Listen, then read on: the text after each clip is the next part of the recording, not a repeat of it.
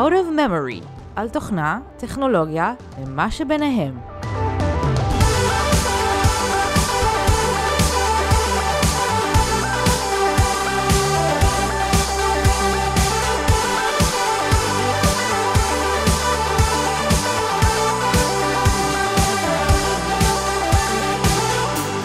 ברוכים הבאים לפרק מספר 18 של Out of Memory. אני מיכה קאופמן. אני עופר זליג.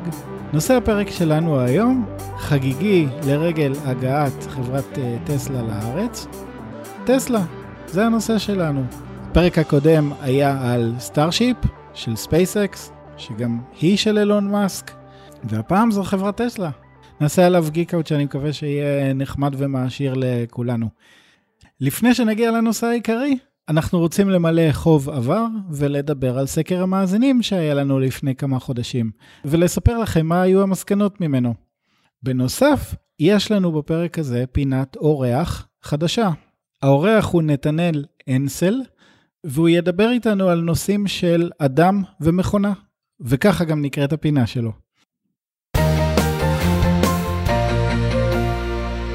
כמו שאמרת עופר נתחיל בסקר נסגור ככה חוב uh, למאזינים.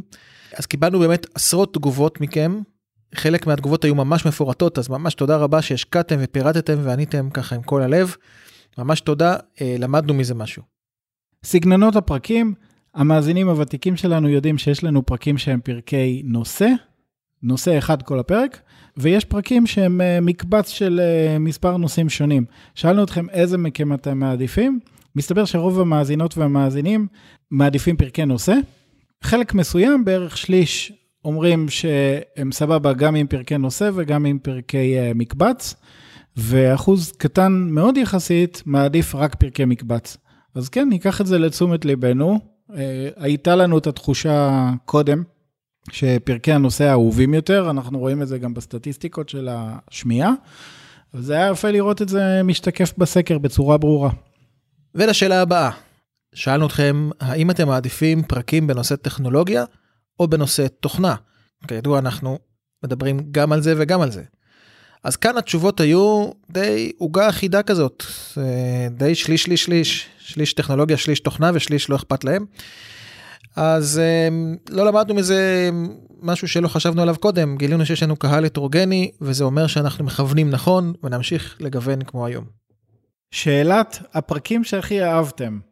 כאן התשובות שקיבלנו מראות שיש מספר פרקים שאהבתם מאוד והם במרחק גדול מאוד מכל השאר, כל השאר הם מה שנקרא long tail וקיבלו תשובות אה, די הומוגניות. הפרקים שאהבתם ביותר הם כצפוי סדרת תולדות ההצפנה, שזה פרקים 4, 5 ו-6, ופרק 14 שבו מיכה סיפר על אתגרי המוסד של השנים האחרונות ופתרונות של חלקם.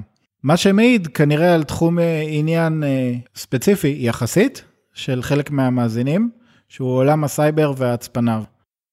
זהו, אז תודה רבה לכל מי שענה על הסקר. הנה, כבר עכשיו בפרק הזה אנחנו רואים את התוצאות. בתשובה לשאלה הראשונה שהזכרנו, אמרתם שאתם מעדיפים פרקי נושא, וזה בהחלט יהיה פרק שכזה. תראה איזה מנגנון משומן, עופר, ישר מיישמים מסקנות. איזה יעילות. עכשיו מיכה, פתאום נזכרתי, מה עם חידת השב"כ? כתבת עליה לא מעט בקבוצה שלנו בפייסבוק. כן עופר, אז השנה באמת uh, הייתה את החידה של השב"כ. לפני שנגיע לנושא המרכזי של הפרק רק נזכיר את זה שבפייסבוק ובטוויטר פרסמנו סרטונים שמראים live את הפתרון. פשוט צילמתי את עצמי פותר את החידה, לפחות את החלק של ה web שלה.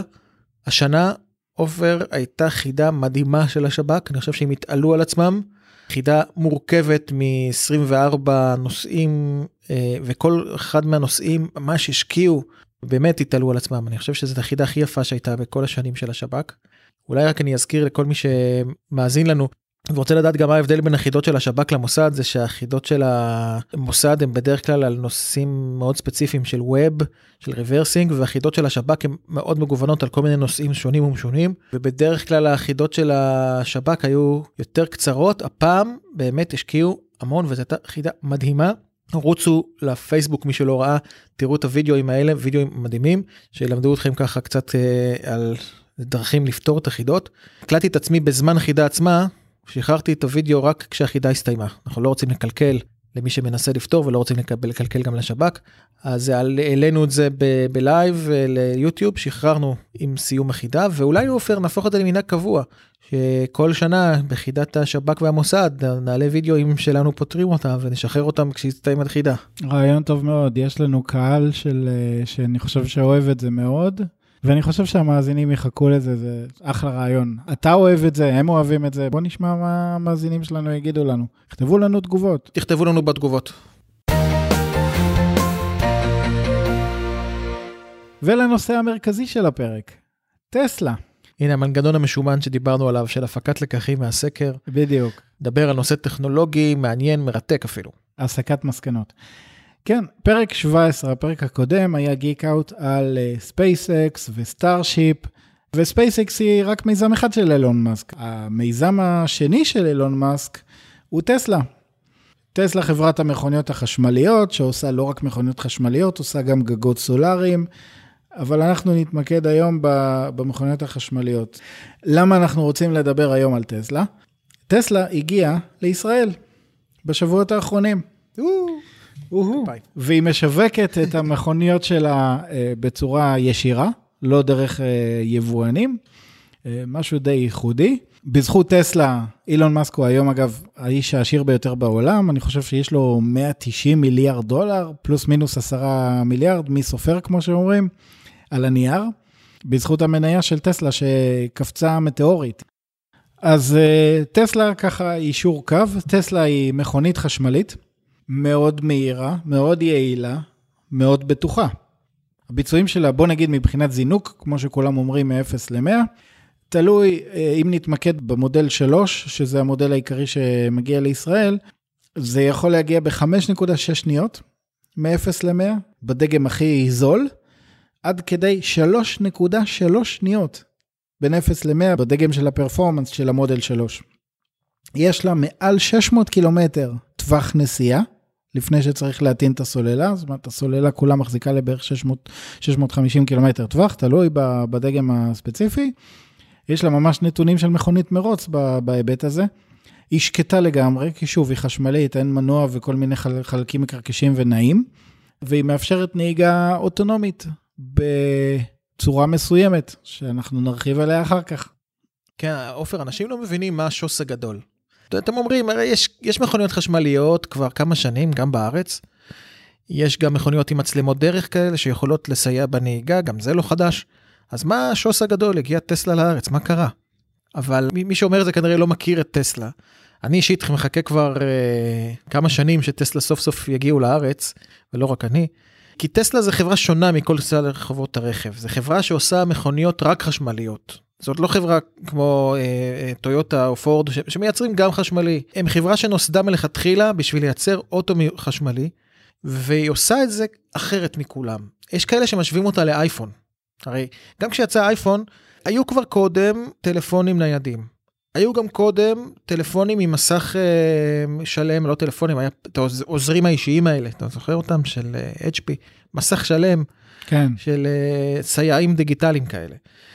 אז, אז היה לכתוב על זה, והיה טלפונים ניידים, אבל, אבל אייפון בא ועשה מהפכה, שלפני ואחרי זה לא אותו דבר. אז זה בדיוק אותה חוויה שכל מי שנוסע בטסלה אומר שזה בדיוק מה שקורה לו. פתאום הוא מרגיש שיש מכוניות שהיו עד עכשיו, ויש טסלה. וכדי להבין את זה צריך, צריך קצת קודם כל לשמוע מה זה, ואחרי זה גם באמת לנסות. אחד הדברים המדהימים, שזה באמת דומה, גם מזכיר אייפון, זה זה שהאוטו הזה מקבל עדכונים מהאוויר. יש כל שבוע, שבועיים, שלושה, האוטו מתעדכן, פתאום אתה קם בבוקר, וואלה, בוקר טוב, שלום, האוטו שלך עכשיו חדש, השתנה משהו. מה קרה? אז העדכונים יכולים להיות ברמה אפילו, פעם היה עדכון ששיפר את הביצועים שלו, שהוא עכשיו מאיץ מ-0 ל-100 ב-0.3 שניות פחות.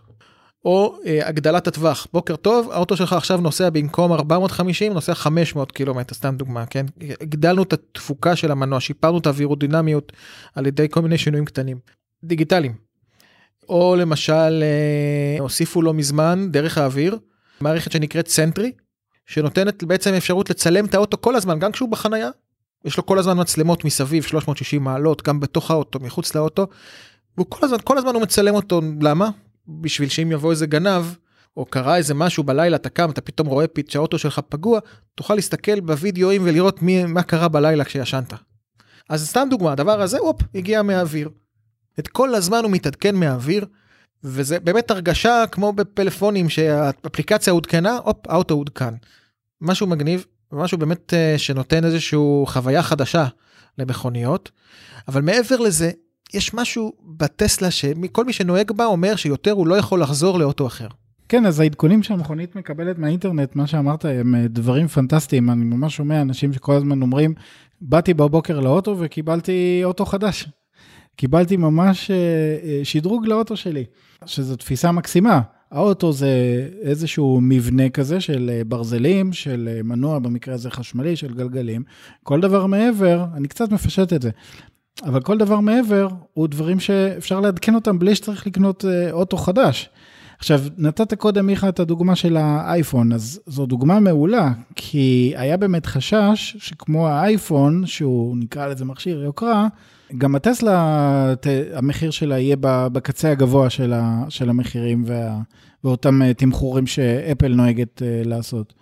נכון, עופר, אז באמת אה, היה את החשש הזה, גם לי, שרכב כזה מדהים בטח יעלה הרבה, כמו שאייפון, ששינה את המציאות, הוא בא והיה בהתחלה, או עד היום, יקר.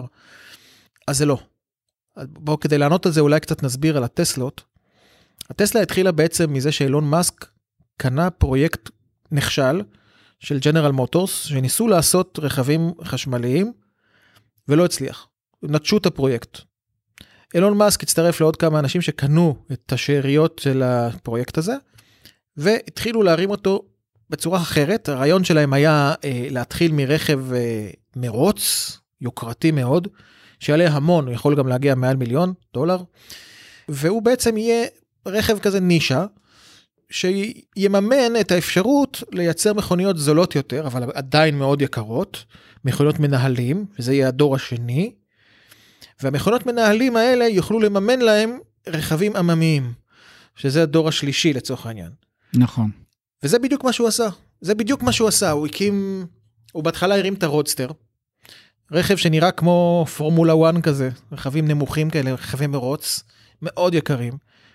כמו שהוא אמר, אחרי שהוא עשה את זה, הכסף שנכנס מימן לו את האפשרות לדגם S, S זה הדגם המנהלים, עדיין מאוד יקר, אולי לא כמו roadster, אבל מאוד מאוד יקר, והכנסות מדגם S באמת מימנו לו את האפשרות להגיע לדגם העממי יותר, שזה באמת מה שעכשיו הלהיט שמגיע לארץ גם, והמחירים לא בשמיים, של הדגם העממי לפחות. גם בגלל שקודם כל יש מס מופחת על רכבים, גם בארץ, על רכבים חשמליים יש רק 10% מס במקום 80 בערך שיש לאוטו רגיל, וגם הם הפתיעו במחיר, אנשים ציפו שהדגם הזול ביותר, העממי הזה, מהדור השלישי, ציפו לפני שהם הגיעו לארץ שהוא יעלה 300, היו כל מיני דעות, 400 אלף שקל, משהו כזה. בסוף זה יגיע במחיר של 180 אלף ש"ח, לא זול, זה כסף, אבל יחסית למכונית שהיא כזאת מדהימה, מכונית שלהשוות אותה זה להשוות אותה ל-BMW או מכוניות ממש יוקרתיות שעולות פי 2-3 ממנה, אז זה ממש נחשב זול. גילוי נאות, אני קניתי טסלה, ו... מתי אתה מקבל אותה? אני מקבל אותה ביוני, יש כאלה שמקבלים, הספיקו לפניי להיכנס בתור ומקבלים אה, במרץ. כן, כנראה אלה שהזמינו ביום הראשון. כן, אז אני ניסיתי ביום הראשון, אבל לא הצלחתי, אז אני ביום השני כזה, וקפץ לי ליוני. אגב, חוויית קנייה אה, גם שונה מכל רכב אחר. מתי קנית עופר רכב באפליקציה בנייד?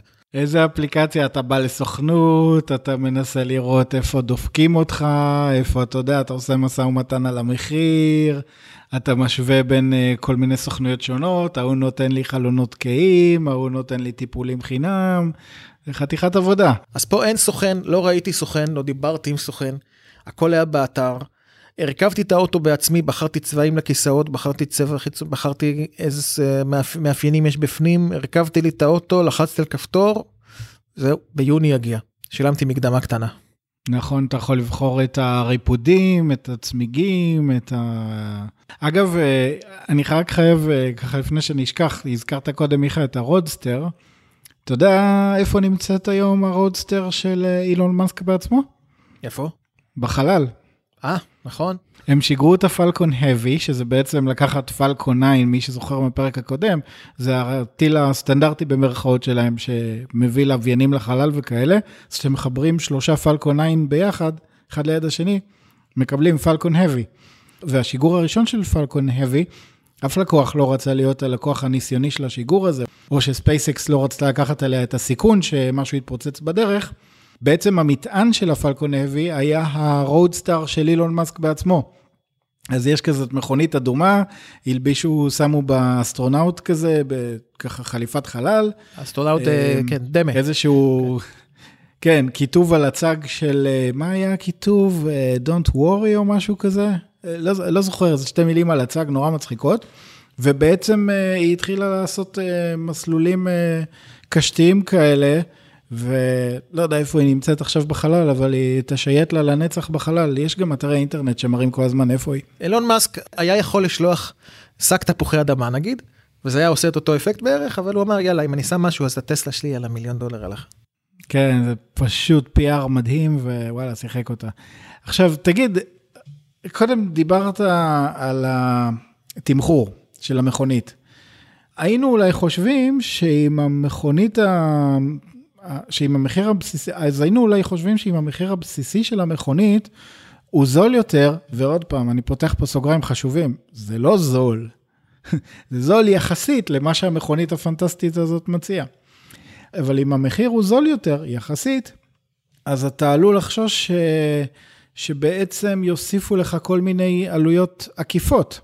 על טיפולים אולי יקרים, למשל, שצריכים להיעשות רק במוסכים של טסלה, אה, אתה יודע, כל מיני החלפות של ציוד אלקטרוני וסוללה ומה לא, שזה לא שעכשיו אה, כל מוסך בקריית אריה, אתה יודע, יכול לטפל לך בזה, אלא רק טסלה. או בביטוח, או באגרות למיניהן, מה, מה הסיפור עם זה בעצם? כן, אז האמת היא שבאמת גם אני חשדתי שידחפו לנו עיזים פה. לא יכול להיות שכזאת מתנה מגיעה במחיר יחסית כזה נוח, אבל לגמרי לא. הם הפתיעו אותי בזה שהם לא חמדנים, באמת. הביטוח של הרכב, הם סגרו עם הפניקס איזה ביטוח יחסית זול. ביטוח חובה עולה איזה, זה, לא, לא זוכר, 700 שקלים, משהו כזה, ביטוח מקיף עולה איזה 2,000 ומשהו שקלים, לא זוכר בדיוק. עמדת טעינה ביתית עולה 2,000 ש"ח, אתה לא חייב אותה, אתה יכול להשתמש בכבל שאתה מקבל עם האוטו, לחבר לשקע רגיל בבית. אה, חלפים אתה יכול להזמין אונליין. אה, אם יש לך הדרכה עצמית אפילו איך להרכיב כדי שלא צריך להגיע אליהם אפילו. מה אתה אומר, באמת? זה כל כך זול, שכל התחזוקה היא גם זולה. קודם כל אין להם יבואן. הם הצליחו לשבור פה את המוסכמה הזאת בארץ שהייתה עד היום, שהיה חובה שכל מי שמביא אוטו חייב יבואן ישראלי. אז בגלל זה לקח להם כל כך הרבה שנים להגיע לארץ. הם בעצם אין יבואן. הם היבואן של עצמם, הם מביאים את המכוניות, הם משווקים אותם פה, הם מטפלים בהם, הם כמובן היו צריכים להוכיח שיש להם באמת את כל היכולת אה, להחזיק פה מוסכים וחלפים וכולי, אבל הם עשו את זה, והם הצליחו לשנות את המדיניות שלא חייבים יבואן, וזה בעצם הביא לזה שהם יכולים, אתה נהנה ישר מירידת שער הדולר למשל, הם לא, אין איזה יבואן באמצע שחותך את הרווח ומעביר, ומשאיר לך את המחיר גבוה. ירד הדולר, אתה נהנה ממנו, הדולר היום נמוך. אבל זה זול גם כי אין טיפולים, עופר. אין נוזלים באוטו. צריך, צריך להבין את זה, אין נוזלים, זה לא אוטו רגיל, אין שמן מנוע או גיר, כי אין גיר. ואין מים מזוקקים למצבר, אין מצבר. אין נוזל קירור לרדיאטור, אין רדיאטור. וגם, אז אין שום נוזל, חוץ מנוזל שמשות, שלפי השמועות בחו"ל גם זה אתה מקבל חינם. וגם נוזל בלמים יש, אבל גם אותו נדיר שמחליפים, בגלל שהאוטו יש לו בלימה אה, על ידי המנוע. בגלל שהמנוע הוא מנוע חשמלי, הוא יכול להאט על ידי פשוט הזרמת מתח נמוך יותר. ולכן אה, אתה בעצם עוזב את הדוושה של הגז, האוטו בולם. וגם הוא מטעין את עצמו, והוא גם אה, מטעין חזרה את הסוללה בצורה הזאת. נכון, הם ממליצים באמת לא לבלום עם, הבל, עם הבלמים, אלא פשוט לעזוב את הגז. נהיגה קצת אחרת, עופר. אגב, מבחינת מנוע, אין טיפולי עשרת אלפים, הם אומרים, אל תבואו. אין צורך בטיפולים. כל עוד לא הרגשת תקלה באוטו, אל תבוא. אני כן יודע שצמיגים אתה צריך, אה, אתה יודע, לדאוג לבדיקה שלהם כן. ולהחלפה שלהם, נכון. כי מן הסתם צמיגים זה צמיגים, זה כמו בכל אוטו. זה נכון. ו- ונוזל בלמים שגם הם אומרים לפעמים צריך, ואתה יודע, יש כאלה שאומרים צריך פחות מה... הם אומרים כל 80 אלף תבוא, תבוא לבדוק, אבל זה פחות מהרגיל. כל 80 אלף תבוא לבדוק, ויש עדויות של אנשים שמספרים שהם מחזיקים בחו"ל שנים את האוטו ולא החליפו מעולם כלום, לא באו לשום טיפול, חוץ ממגבים או, או צמיגים, זה ברור. כן, ראיתי הרבה סקירות של אנשים שאומרים שזה הדבר הכי פנטסטי, שלא צריך אה, להוציא כל הזמן על טיפולים אה, ובלאי של האוטו ושחיקה. כן, אז לכן התחזוקה הזו, עכשיו גם אם אתה צריך להחליף משהו, בוא נגיד יש, יש מסנן אחד בכל האוטו, שזה המסנן של המזגן, שבתוך האוטו. כן, מסנן הפא, נכון? כן, אז אתה, את המסנן הזה, גם אותו אתה אומר, אוקיי, פה ידפקו אותי במחיר, נכון? אז לא. גם זה אתה יכול להזמין מהאינטרנט, זה לא עולה הרבה כסף, אתה יכול להחליף בעצמך, הם מביאים לך וידאו שמראה איך מחליפים את זה. אתה לא צריך אפילו לבוא אליהם, כי הם, לא, הם באמת לא מנסים, זה לא מה שאילון מאסק מנסה לעשות, להרוויח עליך באיזה משהו, באיזה עז. האוטו בסופו של דבר, אם תיקח בחשבון נגיד חמש שנים תחזוקה, שאתה לא משלם על דלק, ואתה לא משלם על אה, טיפולים, וגם הביטוח והאגרת רישוי זולים, בסופו של דבר, יוצא מצב שזה כנראה אוטו זול מאוד. וזה אוטו שכמובן נמצא בליגה של, של, של מכוניות שעולות 400 ו-500 אלף שקל, כן? מבחינת הנוחות והאקססוריז. כן, עכשיו תשמע, אני מרגיש שדיברנו ככה לא מעט, אה, עשינו פה תוכנית אה, על גלגלים עם אה, ג'ו קריידן. בואו נדבר קצת על הצדדים הטכנולוגיים של הרכב. אז מה יש לנו פה בטכנולוגיה? דיברנו קודם על עדכוני תוכנה, בואו נדבר איזה עוד דברים טכנולוגיים הרכב הזה, הטסלה מציעה לנו. כן, הדבר אולי הכי מעניין, שזה אולי הסמל של טסלה והדבר שהכי מדובר, זה לא הביצועים ולא זה שאפשר לנסוע מאות קילומטרים עם אותה סוללה בלי להטעין, אלא על זה שיש נהיגה אוטונומית.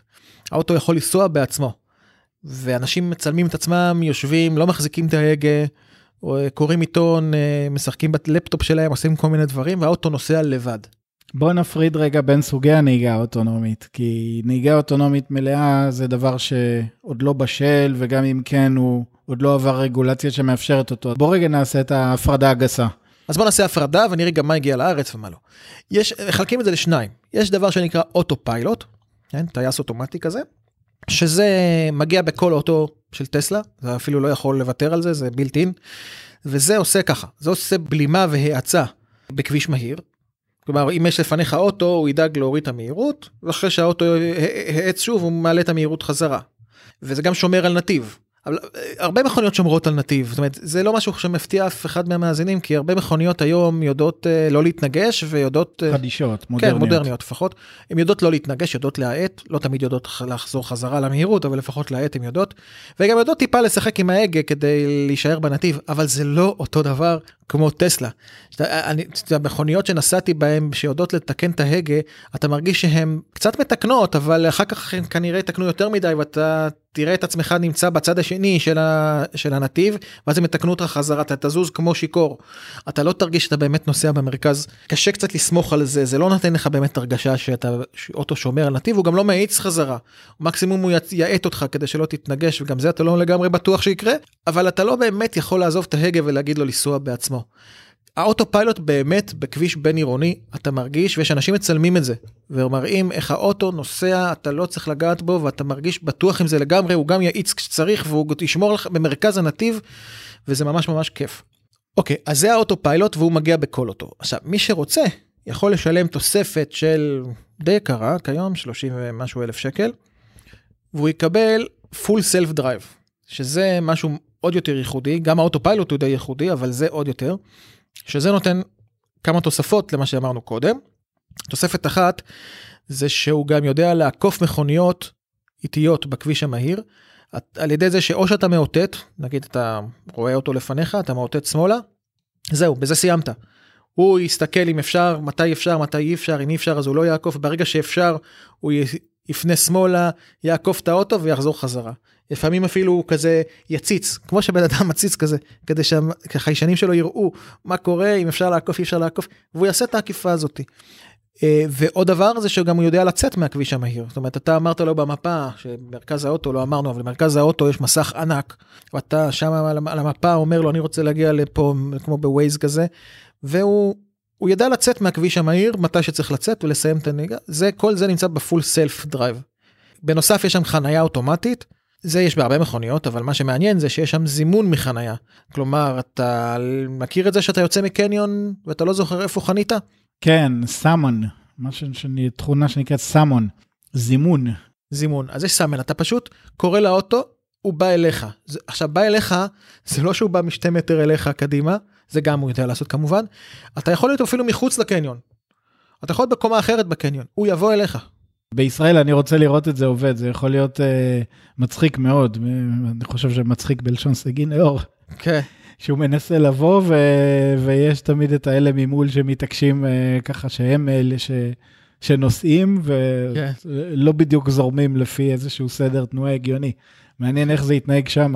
ומה יקרה כשרכב כזה בלי נהג, אתה יודע, מישהו ככה מיישר לידו את האוטו שלו, פותח חלון ובא לצעוק עליו וקולט שאין נהג. נכון. זה בעיה, לא יהיה על מי לצעוק. אני חושב ששווה לראות uh, סרטונים, אם, אם הטסלה מקליטה גם שמאלה וימינה, שווה לראות סרטונים של דברים כאלה. אולי בישראל צריך לעשות גרסה מיוחדת שמוציאה אצבע משולשת לנהג ליד באופן אוטומטי. כן, או אפילו סתם יד החוצה ככה מהחלון, אה, יד, יד דמה. כן. אז זהו, אז כל הדברים האלה של הזימון ושל העקיפה האוטומטית, אה, וגם הדבר הכי חשוב, נסיעה גם בכבישים עירוניים, אוטומטית. עם התחשבות ברמזורים ותמרורי עצור וכל זכות קדימה, כל לבד לבד. אתה פשוט מהבית עד לעבודה לא צריך לגעת בהגה. אתה אומר לו, אני רוצה להגיע לפה, וזהו. אתה יכול ללכת לכיסא האחורי, אתה יכול ללכת לישון.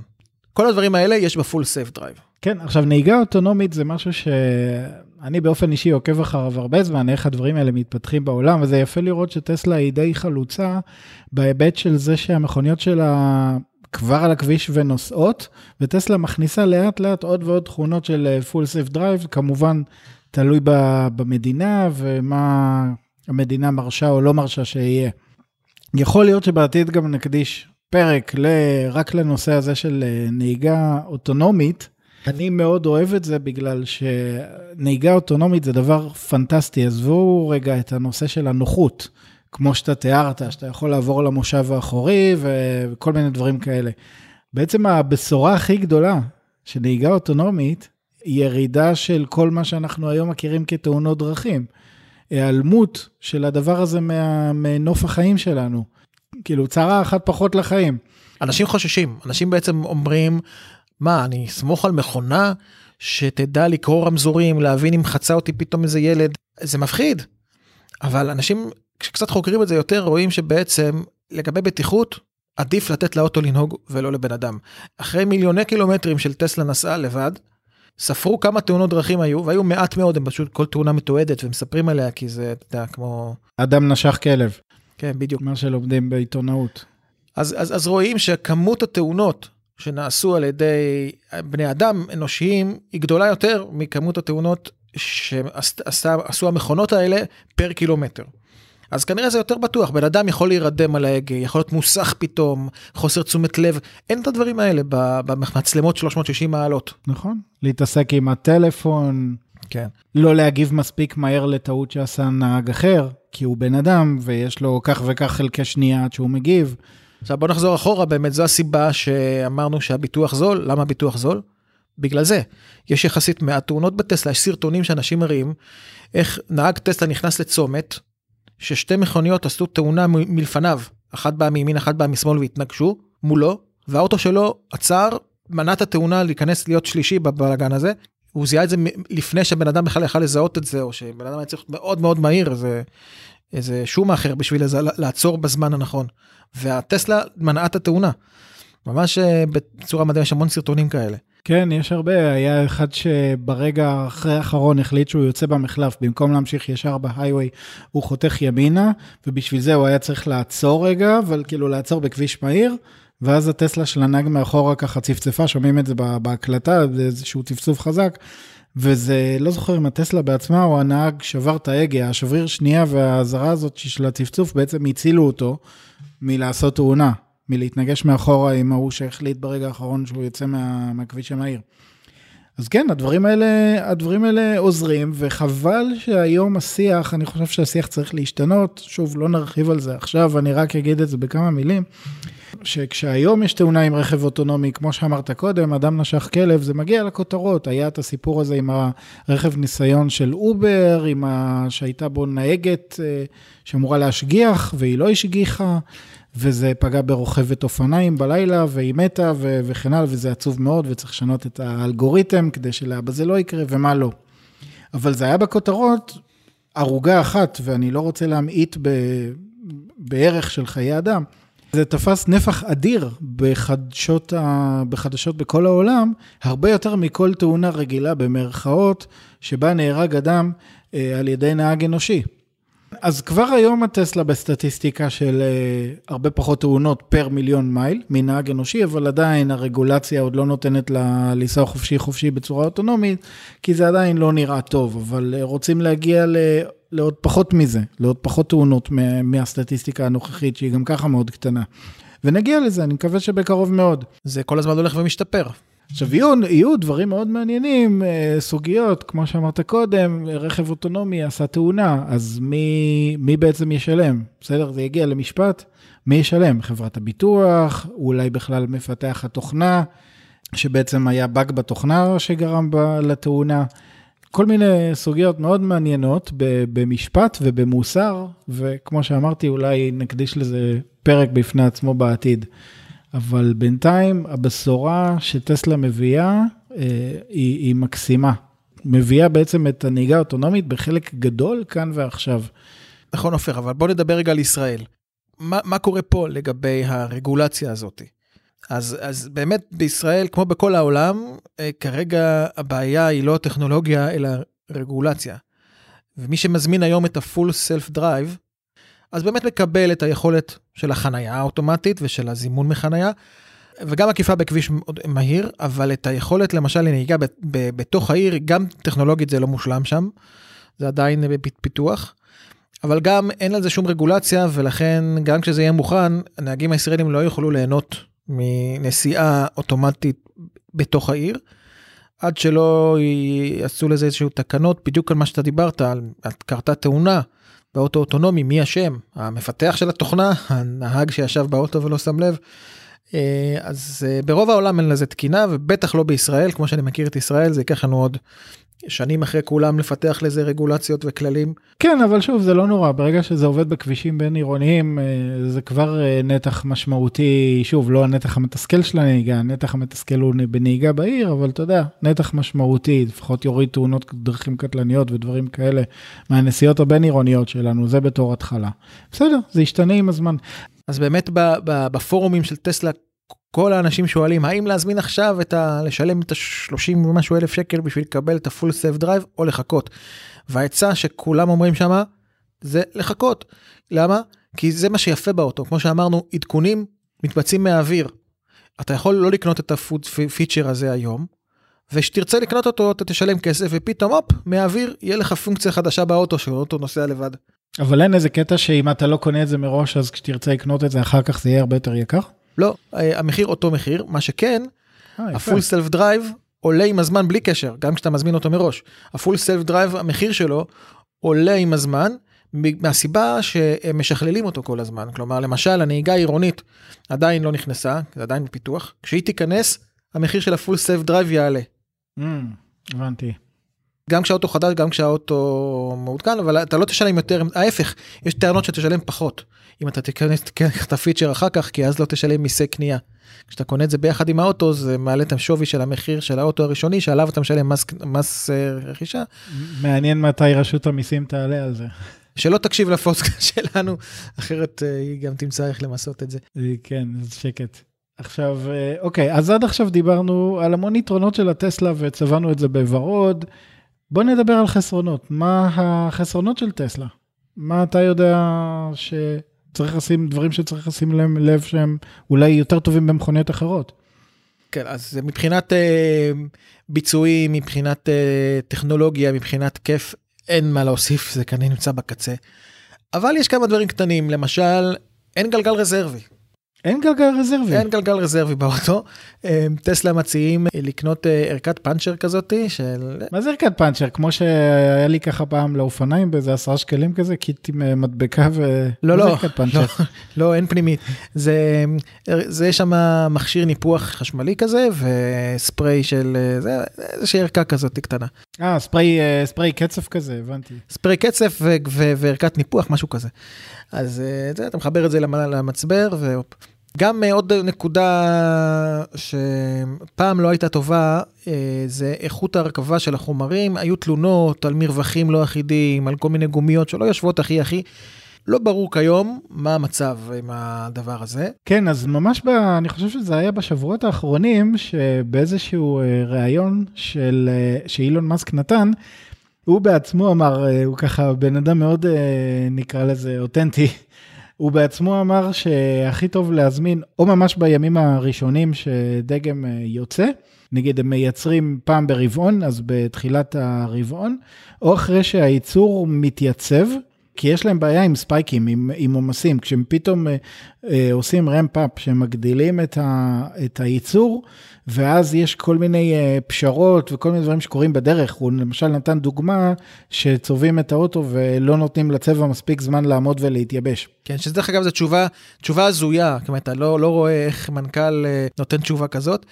כן, אני בטוח שאנשי השיווק של טסלה ישבו ככה ו- ומרטו שערות. כן, למה, איך הוא יכול להגיד דבר כזה? כי שאלו אותו, אמרו לו, תקשיב, זה אחלה אוטו, אבל יש שונות גדולה בין מכונית למכונית. יש אנשים שאומרים הכל סבבה, ויש אנשים שממש מתלוננים, כמו שאתה אומר, ש- שאין רווח אחיד בין הפאנלים, או קרקוש כזה, או שהם חוזרים כל פעם למוסך, וכן, מטפלים בהם, לא זורקים אותם מכל המדרגות, אבל הבעיה לא נפתרת.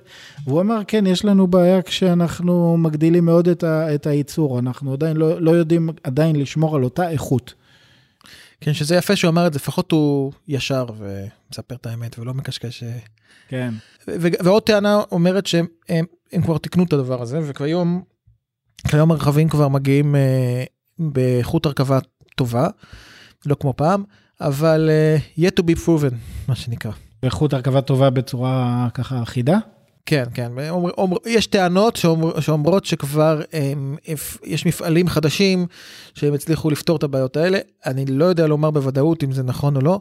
כן, אנחנו נראה בנגלה של מרץ שאנשים מקבלים ובנגלה של יוני. עוד חיסרון אה, זה שאין ווייז, המסך המרכזי מכיל גוגל מפס. כן, אבל זה לא כזה נורא. זה כן נורא, כי אנשים אוהבים לראות משטרות, למשל, אה, ואין דיווחי משטרה. וזה אולי אחד הדברים הכי חשובים. האמת היא שלא כזה נורא, כי אפשר להגיד לאוטו, אה, לנסוע במהירות המותרת, הוא יודע לקרוא שלטים כמובן, אפשר להגיד לו, תשמור על המהירות המותרת בכל רגע נתון, תוריד לי את המהירות שאני לא אעבור. או אתה, אה, יותר מזה, אתה גם יכול להגיד לו גם כמה אחוז אתה מרשה לו לעבור. כלומר, תן לי עשרה אחוזים חריגה למעלה, זה בסדר. אני, אני בקטנה. אז אתה יכול לעשות את זה, ולכן אה, הסיכוי שתעבור על המהירות המותרת הוא קטן יותר. הוא גם רואה שלטים והוא יכול להגיד לך, בוא, אל תעשה טעויות. אבל מצד שני, אנשים אוהבים את ווייז, אנשים רגילים לווייז, פה בישראל לפחות, זה מאוד נפוץ. והמפה מבוססת Google Maps. עכשיו, אני יכול להרגיע את האנשים ש Google Maps באמת זה לא כזה גרוע, כי בסופו של דבר, אם חושבים על זה, ווייז וגוגל זה אותה חברה, הרי גוגל קנתה את ווייז, אז היא יושבת כן, על אותו הם לוקחים database. uh, תכונות אחד מהשני, אפילו uh, uh, היזם של ווייז שעבד בגוגל ועכשיו יצא, הוציא איזשהו מניפסט כזה שבו הוא uh, זורק את כל הרפש על, uh, על תרבות העבודה בגוגל ו- והתלונן בין היתר שגוגל uh, לקחה כל מיני תכונות מווייז לתוך גוגל מפס, אז כאילו, כן, זה לאט לאט הדברים האלה נכנסים לגוגל מפס. זה, זה אותה חברה, מה הם קנו, זכותם. אבל, אה, אבל עדיין זה לא ווייז, זאת אומרת, אין שם את המשטרות למשל. כן, שזה דבר מאוד ישראלי, זה בתרבות מאוד ישראלי. אגב, אני אומר את זה לחיוב, לא לשלילה, כן? אני גר באוסטרליה, אני לא אומר את זה כביקורת פה. בישראל יש תרבות של אם ראיתי שוטר, אני אדווח עליו כדי שהנהגים האחרים, חברים שלי במרכאות, ידעו שיש שוטר ו- וייזהרו. ובארצות אחרות אני לא רואה את זה כל כך, את התרבות הזאת של להזהיר נהגים אחרים. אם כבר הפוך, אם כבר, הם כזה לפעמים חושבים, כן, כן, כן, ש, שידפוק את מי שלא נוהג טוב. אין את השבט אחים גם יחד הזה, כולנו נגד המשטרה. כן, אוקיי. עוד דבר שמעצבן באוטו, קצת, זה שבממשק שלו אין אפל קרפליי או אנדרואיד אוטו. אה, כלומר, התממשקות של הפלאפון למסך הגדול הזה שלהם.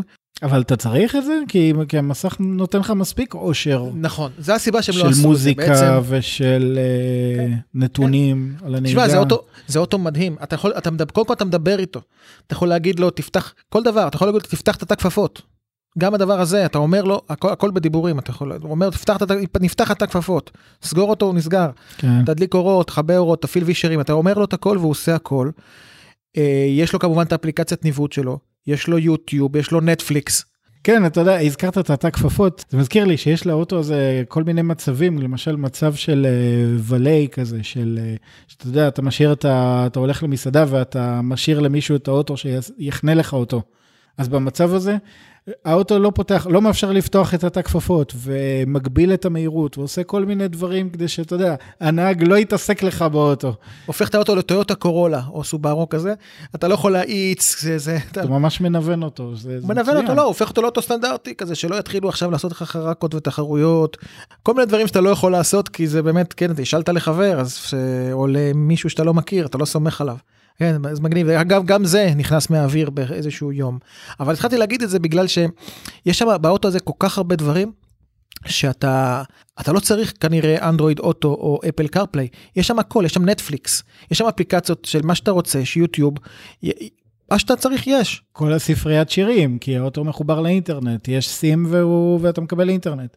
אתה יכול גם לדבר ולהגיד שים לי בבקשה איזשהו שיר והוא ישים לך אותו. כמו שאמרתי, הכל, הכל נעשה בדיבורים גם. אגב, עלי מוד, יש עוד מוד נחמד של פט מוד, של uh, חיות. אם יש לך חיה באוטו, אתה יכול לעשות אותו על מצב חיות. כשאתה מחוץ לאוטו הוא ישמור על טמפרטורה uh, שהחיה יהיה לה נעים ולא תתייבש. אה, כן, נכון, קראתי על זה, נכון, להשאיר את המזגן דולק, ו- ואתה משאיר יכול להשאיר את המזגן, החיה באוטו. עכשיו, כן. עוד דבר שזה עושה זה גם מציג על המסך המרכזי הגדול הודעה, שימו לב, כדי שאנשים לא יפרצו לאוטו כדי לחלץ את החיה. אז הוא שם על המסך בגדול שאנחנו נמצאים במצב חיה וזה אתם כותב גם מה הטמפרטורה שאנשים יבינו שזה בסדר כן, זה מדהים, הם חשבו על הכל. על הכל הם חשבו. אה, אין מודל Y בארץ אני לא יודע למה. מהמודלים לא דיברנו עליהם אולי אבל מודלים אמרנו שיש את ה... מודל Y לא מגיע לארץ? לא הגיע יש טענה שזה בגלל שזה דגם מאוד מבוקש וחסר במלאי אני לא, לא קונה את זה. אם היו יכולים להגיד תזמין עכשיו תקבל בעוד שנה אבל לא, לא, לא סביר בעיניי. אבל אין מודל Y. איזה מודלים יש? יש את השלוש שדיברנו עליו עכשיו זה האוטו העממי הזה השלב השלישי בהיררכיית המכוניות ויש את ה-S שזה הרכב מנהלים היקר השלב השני שדיברנו עליו שבא לפני המ- המודל 3 ויש גם את הדגם X שזה דגם הכי יקר שלהם שזה דגם מפואר כמו ה-S אבל הוא גם אה, ואן כזה עם דלתות שנפתחות אה, עם כנפיים כאלה למעלה, למעלה. זה דגם אה, שעולה משהו כמו חצי מיליון. אבל אין, אין את הדגם ה-Y שזה הדגם שנמצא ביחד עם השלוש למעשה בשכבה של הרכבים העממיים אבל הוא מנופח יותר הוא כאילו גדול מה שאוהבים בארץ שזה רכב כזה שהוא חצי שטח כזה הוא לא שטח באמת אבל הוא רכב כזה קצת יותר גדול SUV כזה. ועוד חיסרון אולי שאחרון זה חשש כלשהו לא בדוק מירידת ערך גדולה. אני שם את זה בסוגריים כי מצד אחד האוטו הזה צריך להבין גם הסוללות הן לא נמצאות באיזה ארגז קטן מאחורה שמפרקים. הסוללה היא נמצאת בבסיס האוטו. שוב זה אוטו כן, היא שנבנה ממש מלכ- חלק מהשאסי של מה- האוטו. בדיוק. מעל השאסי לאורך כל האוטו בעצם כל התחתית של האוטו זה סוללה אחת ענקית לכל אורכו ורוחבו. לא משהו שקל להחליף. כן עכשיו מצד אחד זה קשה להחליף את זה מצד שני אנשים אומרים שזה לא כל כך קשה כי אם צריך להחליף אז יבואו ויחליפו אפשר לפתוח את זה ובפנים יש 7,000 סוללות זה המספר לא סתם זורק. יש 7,000 סוללות קטנות בתוך הדבר הזה ואפשר להוציא אותם ולהחליף אותם אצל היצרן. אני לא יודע אם זה נכון או לא קודם כל יש שמונה שנים אני חושב אחריות שמקבלים על הסוללות האלה. יש דגרגציה של איזה אחוז או שניים בשנה כן, מעניין מה קורה אחר כך, כי אתה לא רוצה לזרוק את האוטו לפח, אתה רוצה נכון. למכור אותו, אבל הקונה אחרי, לא משנה, גם אחרי חמש שנים או שש שנים, לא רוצה לקבל אוטו שהבטריה שלו כבר לא תחזיק.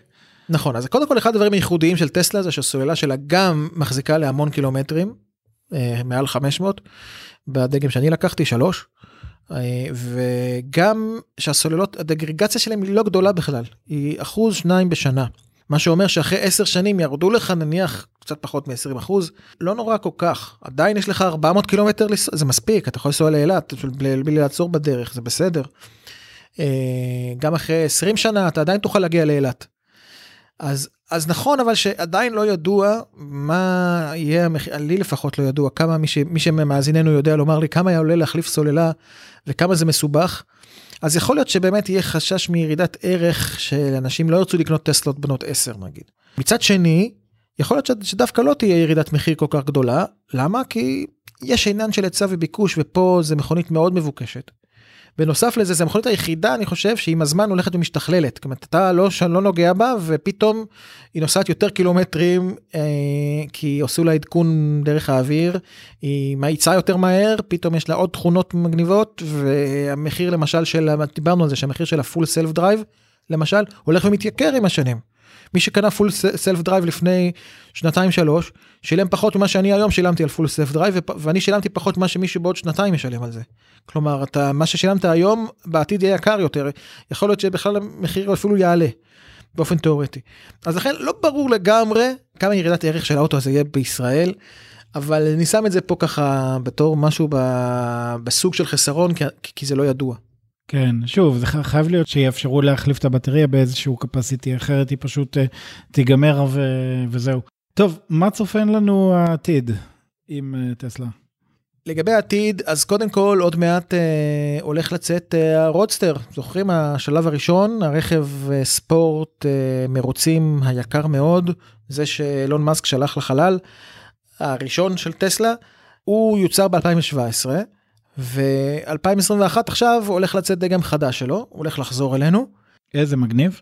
כן, מגניב לגמרי, גם זה הולך להיות, מה זה מגניב לגמרי? זה הולך להיות המכונית המהירה בעולם.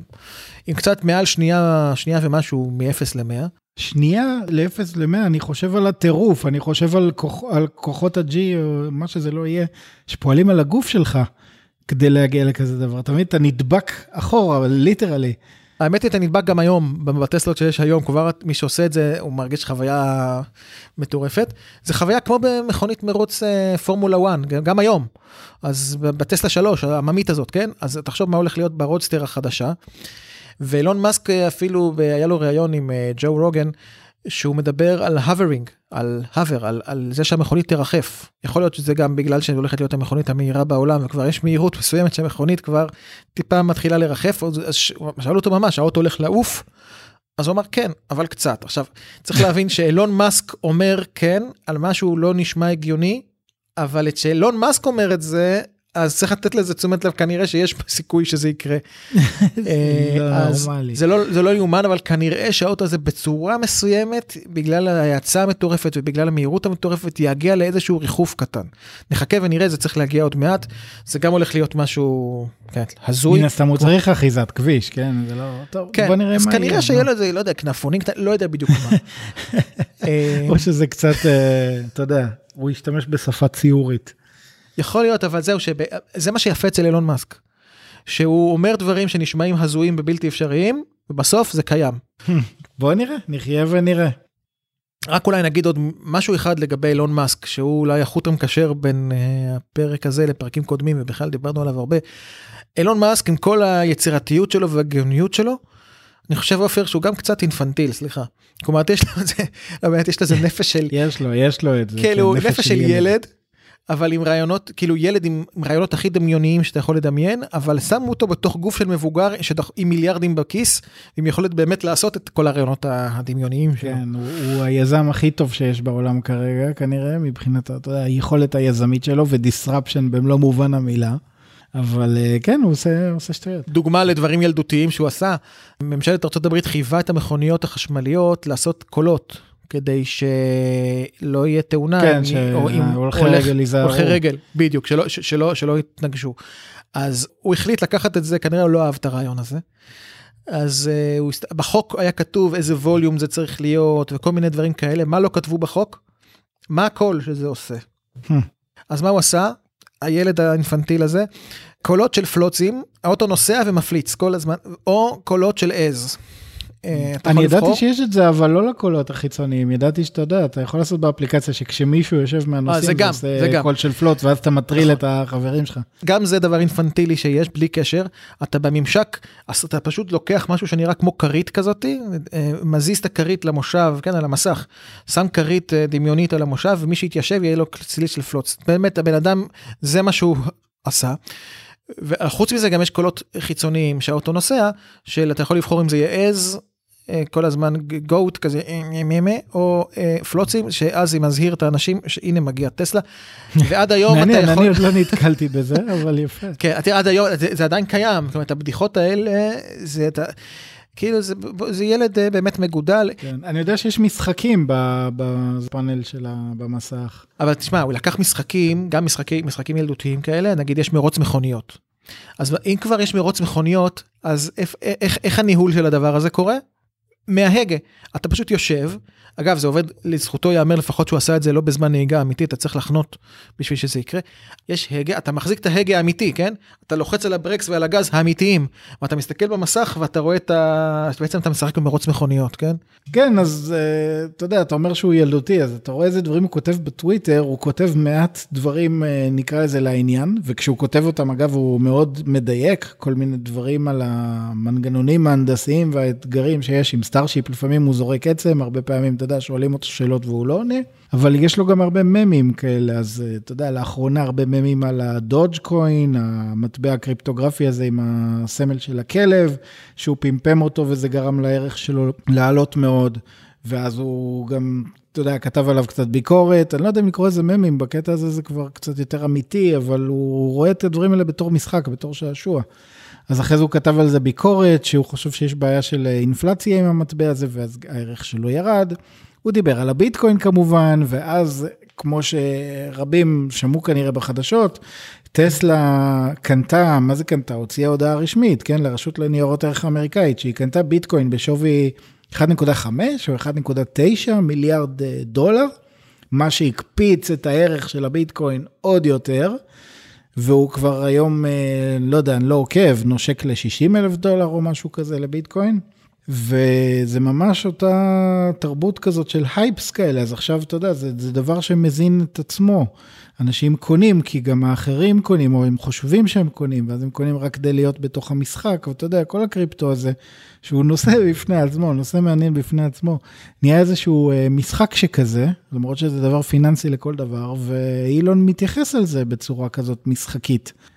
ושם ממים על, על הביטקוין, ושם ממים על הדודג' קוין, וזה זה פשוט, צריך להכיר אותו, כאילו, להבין מתי הוא רציני ומתי לא, הוא יותר פעמים לא רציני מאשר כן רציני בטוויטר. אבל אה, בסדר, זה הוא, זה האופי, זה הבן אדם. לא רק שהוא הודיע שהוא קונה ביטקוין במיליארד וחצי דולר, פעם ראשונה שאפשר לקנות אוטו בביטקוין. את המכוניות שלו הוא אמר שהוא מקבל, עדיין זה לא קורה בארץ לפחות, אבל אני לא יודע אם בחו"ל, אבל הוא אמר שזה יקרה, שיהיה אפשר לקנות טסלות בביטקוין. כן, שמעתי על זה. שזה גם מעלה את הערך של הביטקוין, שזה נכון. אולי חכם שהוא קודם קנה ביטקוין ואז אמר את זה. כי זה מראה לאנשים שכן, שהביטקוין לא נשאר רק בקטע התיאורטי, כלומר, מה זה תיאורטי? אתה יודע, עדיין יש לו שווי, כן? כשאנשים רוצים לקנות ולמכור, אז יש היצע וביקוש. נכון. אבל זה ממש אה, משהו שקונים איתו דברים רגילים, נקרא לזה, בחיים האמיתיים. עכשיו, עכשיו גם יצאה שאלה, יש בלוגר בשם אנדי סליי שהוא שואל, מה קורה עם מיסים למי שקנה נניח ביטקוין לפני כמה שנים ב-10,000 דולר, עכשיו הביטקוין שווה נגיד 50 אלף דולר. עכשיו, אם הוא ייקח את הביטקוין הזה וימיר אותו חזרה לכסף, אז הוא יצטרך לשלם מיסים, נכון? מס רווחי הון. אבל מה קורה אם הוא, אם, אם הוא קונה טסלה? פתאום אפשר לקנות אוטו. בדבר, עוד, כאילו עד היום היית קונה בביטקוין דברים יחסית זולים, אבל עכשיו אתה יכול לקנות אוטו. מה קורה? אני קניתי ב-10,000 דולר, שווה 50 אלף דולר. קניתי טסלה. איפה המיסים על, העליית ה... על, הש... על העלייה של המטבע? וכנראה באמת שזו שאלה שנשארה באוויר, כנראה שלא יהיה מס. זאת אומרת, הנה דרך להרוויח בלי לשלם. מגניב. עוד משהו שאנחנו מקווים שאף אחד מרשויות המס לא מאזין לנו, אבל uh, הנה, אם יש לכם, אם הרווחתם מעליית הביטקוין, אל תמירו את זה חזרה לשקלים, תקנו טסלה. תרוויחו 25 אחוז. אין האמור מהווה ייעוץ מס, אה, טעות לעולם חוזרת. וכן הלאה וכן הלאה. טוב, יפה. זה היה פרק של על גלגלים בשילוב עם פרק של Out of Memory, טכנולוגיה ורכב, אנחנו מקווים שזה היה יותר טכנולוגיה מרכב, אבל uh, תשאירו לנו הערות ופידבקים, ונשמע כרגיל. ולפינתו החדשה של נתנאל. נתנאל הנסל הוא עורך דין, הוא עורך מגזין מקוון בשם מטא, לומד לתואר שני במשפטים באוניברסיטה העברית, והכי חשוב, מתעניין בכל מה שקשור לטכנולוגיה ומה שסובב אותה. יש לו גם בלוג מאוד מעניין בכתובת הגולם.הום.בלוג. מומלץ מאוד לקרוא את הבלוג שלו כי הוא ארוך וארוך בצורה טובה ומעשיר. אה, הכרנו את נתנאל בקבוצת עליית המכונות בפייסבוק, קבוצה מדהימה, אנחנו גם קוראים בה, גם כותבים בה, בעיקר קוראים, מומלצת מאוד בלי קשר. זהו, בפרק הזה דיברנו על אה, אילון מאסק, על כל מיני אה, דברים שהוא דיבר עליהם בטוויטר, הייפים שהוא יצר או הגיב להם, אז אפרופו הייפס, הנה מה שיש לנתנאל להגיד על זה. The Matrix, על אדם ומכונה, עם נתנאל הנסל.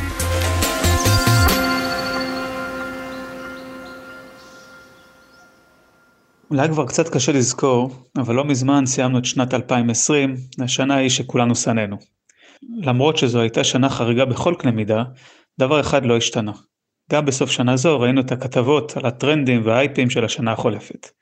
צריך להודות שהמילה הזו הייפ, ובעברית מהומה תקשורתית, פרסום מופרז, ריגוש מוגזם, הספיקה להפוך כבר למילה שחוקה.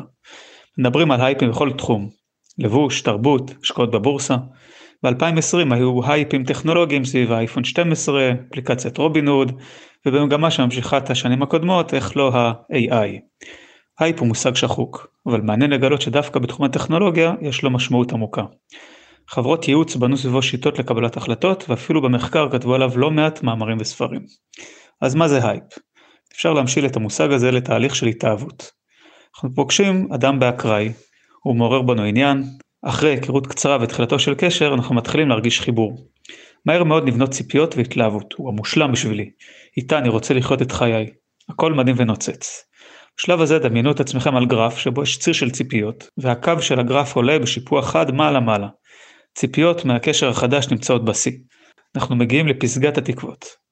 ואנחנו גם מספיק מנוסים כדי לדעת שמתישהו הגרף מתמתן, ואז השיפוע מתחיל להיות קצת יותר שלילי, ועוד קצת, ועוד קצת, עד שהוא הופך להיות מעין קו ישר שבו לפעמים יהיו עליות לברי המזל, ולפעמים יותר מדי ירידות. יחסי אהבה טכנולוגיה זה קצת אותו דבר. אנקדוטה קצרה. בבלק פריידיי האחרון רכשתי לעצמי מחשב חדש. השקעתי זמן, בחנתי מפרטים, בסוף הזמנתי. עברו כמה ימים והוא הגיע אליי במשלוח נוצץ. הפעלתי אותו יופי של כלי, התאהבתי. חלפו עברו להם כמה ימים, פעם אחת הוא נתקע קצת, פעם אחרת הייתה לי הרגשה שהוא התאים שציפיתי. וגם הסוללה, מה לעשות, הייתה קצת מאכזבת. מפסגת הציפיות הידרדרתי לנקודה שבה הבנתי שכמו שאני בעצמי לא מושלם, גם המחשב החדש שלי לא. ושבמערכת היחסים שלי איתו, ייאלץ להתחשב גם בחסרונותיו של החבר החדש. והוא בשלי כמובן. מה שנכון במישור האישי, בחיים האמיתיים, וגם ביחס של בן אדם למחשבו, נכון לגבי כל טכנולוגיה, גם ברמת המקרו. אמרתי שחברות ייעוץ משתמשות ברעיון ההייפ. למה התכוונתי? זה הזמן לספק תשובה. גרטנר היא חברת מחקר וייעוץ גדולה מאוד בארצות הברית. היא עובדת עם בכירים והנהלות של חברות טכנולוגיות ברחבי העולם. בין השאר חקרה החברה את מושג ההייפ. לטענתה, אפשר להסביר כל טכנולוגיה באשר היא, על פי מחזור החיים של ההייפ. לפי גרטנר, לכל הייפ טכנולוגי יש חמישה שלבים. הראשון הוא שלב הטריגר, ההתעוררות. בשלב הזה טכנולוגיה פוטנציאלית פורצת. הוכחת התכנות ראשונה באה לעולם. עיתונאים מתחילים להתעניין. נוצרת מודעות לטכנולוגיה החדשה. זה שלב שבו לרוב עדיין אין מוצרים בשטח. ואם נחזור למשל להתאהבות, השלב הזה דומה לשלב יצירת קשר עין ראשוני ועניין באדם חדש. אחר כך מגיע שלב פסגת הציפיות, peak of expectations. פרסומים ראשונים מייצרים סיפורי הצלחה, טכנולוגיה עושה כמה כותרות ואנחנו מגלים גם כמה סיפורי כישלון. חברות מסוימות לוקחות על עצמם את האתגר הטכנולוגי ומקוות להיות הראשונות לנצל אותו ולהרוויח. אחרות ממתינות על הגדר. או אז מגיע שלב ההתפכחות, העניין מתחיל לדעוך בגלל כישלונות שונים. ההשקעה בטכנולוגיה ממשיכה לשנמוכה יחסית, ורק מצד חברות חזקות שמסוגלות להסתכן בכישלון בזכות משאביהם הזמינים. בשלב הרביעי והחמישי חוזר להתגבש האמון בטכנולוגיה. היא הופכת נגישה יותר לציבור. הטכנולוגיה מתייצבת ויוצאת בגרסה ראשונה, שנייה ושלישית. בהמשך, נתחים גדולים יותר בשוק מאמצים את הטכנולוגיה. זהו שלב מישורי של אימוץ המוני, כמו חיים זוגיים אחרי כמה שנות נישואים. זה קצת תאורטי, אבל חשבו על הביטקוין כדוגמה. לפני 3-4 שנים אני מניח שאחוזים נמוכים מאוד, אפילו מתוך אנשי הטכנולוגיה המשופשפים שמאזינים פה עכשיו, שמעו על המטבע. וגם אם כן, הם לא הביעו בו עניין משמעותי. אבל אז הגיע 2017. ב-1 בינואר 17 ביטקוין אחד היה שווה 966 דולר. אתם יכולים לבדוק, בדקתי בעצמי. ב-1 בדצמבר הוא כבר עלה לכמעט 14 אלף דולר. כפול 14, פסגת הציפיות. העיתונים היו מלאים בכתבות על ביטקוין. אבל מי שהשקיע בשלב הזה חטף אכזבה משמעותית. ביטקוין הידרדר ודשדש במשך שנתיים. כנראה שחלק מהמשקיעים התפכחו, חלק אולי איבדו אמון. אני אגב לא זוכר יותר מדי כתבות על ביטקוין בדה מרקר או בכלכליסט בתקופה הזו. ובחודשים האחרונים שוב תחייה של ההייפ. ביטקוין טיפס לשיא שטרם נצפה.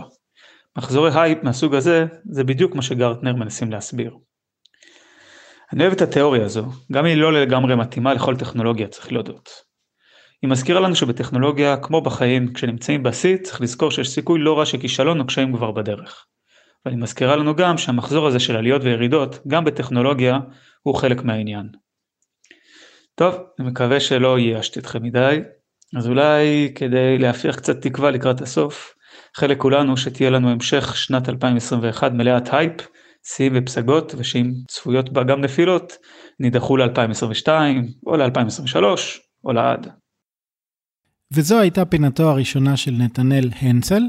נתנאל ימשיך להגיש את הפינה שלו בפרקים הבאים, עקבו אחרי הפרקים הבאים והפינה שלו, ותענו.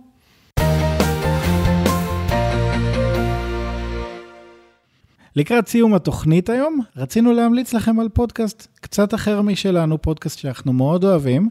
הוא נקרא המצב הפוסט-אנושי, אקטואליה בראי העתיד. זהו פודקאסט של דוקטור כרמל וייסמן, היא התחילה אותו רק באמצע 2020, וכבר יש לה 18 פרקים עם קצב של בדיוק אחת לשבועיים.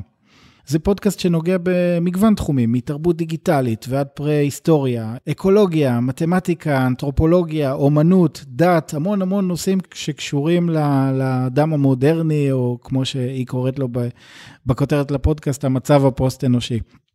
כל פרק כרמל מביאה אורח, לרוב חוקר מהאקדמיה. כל הפרקים מתומללים, כוללים קישורים למקורות אקדמיים. כרמל בונה את הפודקאסט כך שהוא ישמש תחליף מסוים לכיתה באוניברסיטה.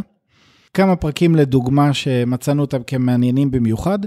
בעיצומה של ההכחדה השישית, על האירועים המאיימים על עתיד האנושות, לא רק משבר האקלים. סמים ומחשבים כמשני תודעה, כשמו כן הוא, אין מה להסביר עליו יותר. מאוד מעניין.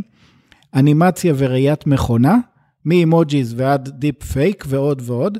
זה אחד הפודקאסטים האהובים עלינו אישית, ואנחנו בטוחים שרבים ממאזיני הפודקאסט שלנו ייהנו ממנו מאוד. כמובן שנצרף לפודקאסט של כרמל קישור ב show notes של הפרק. עד כאן פרק 18 של Out of Memory.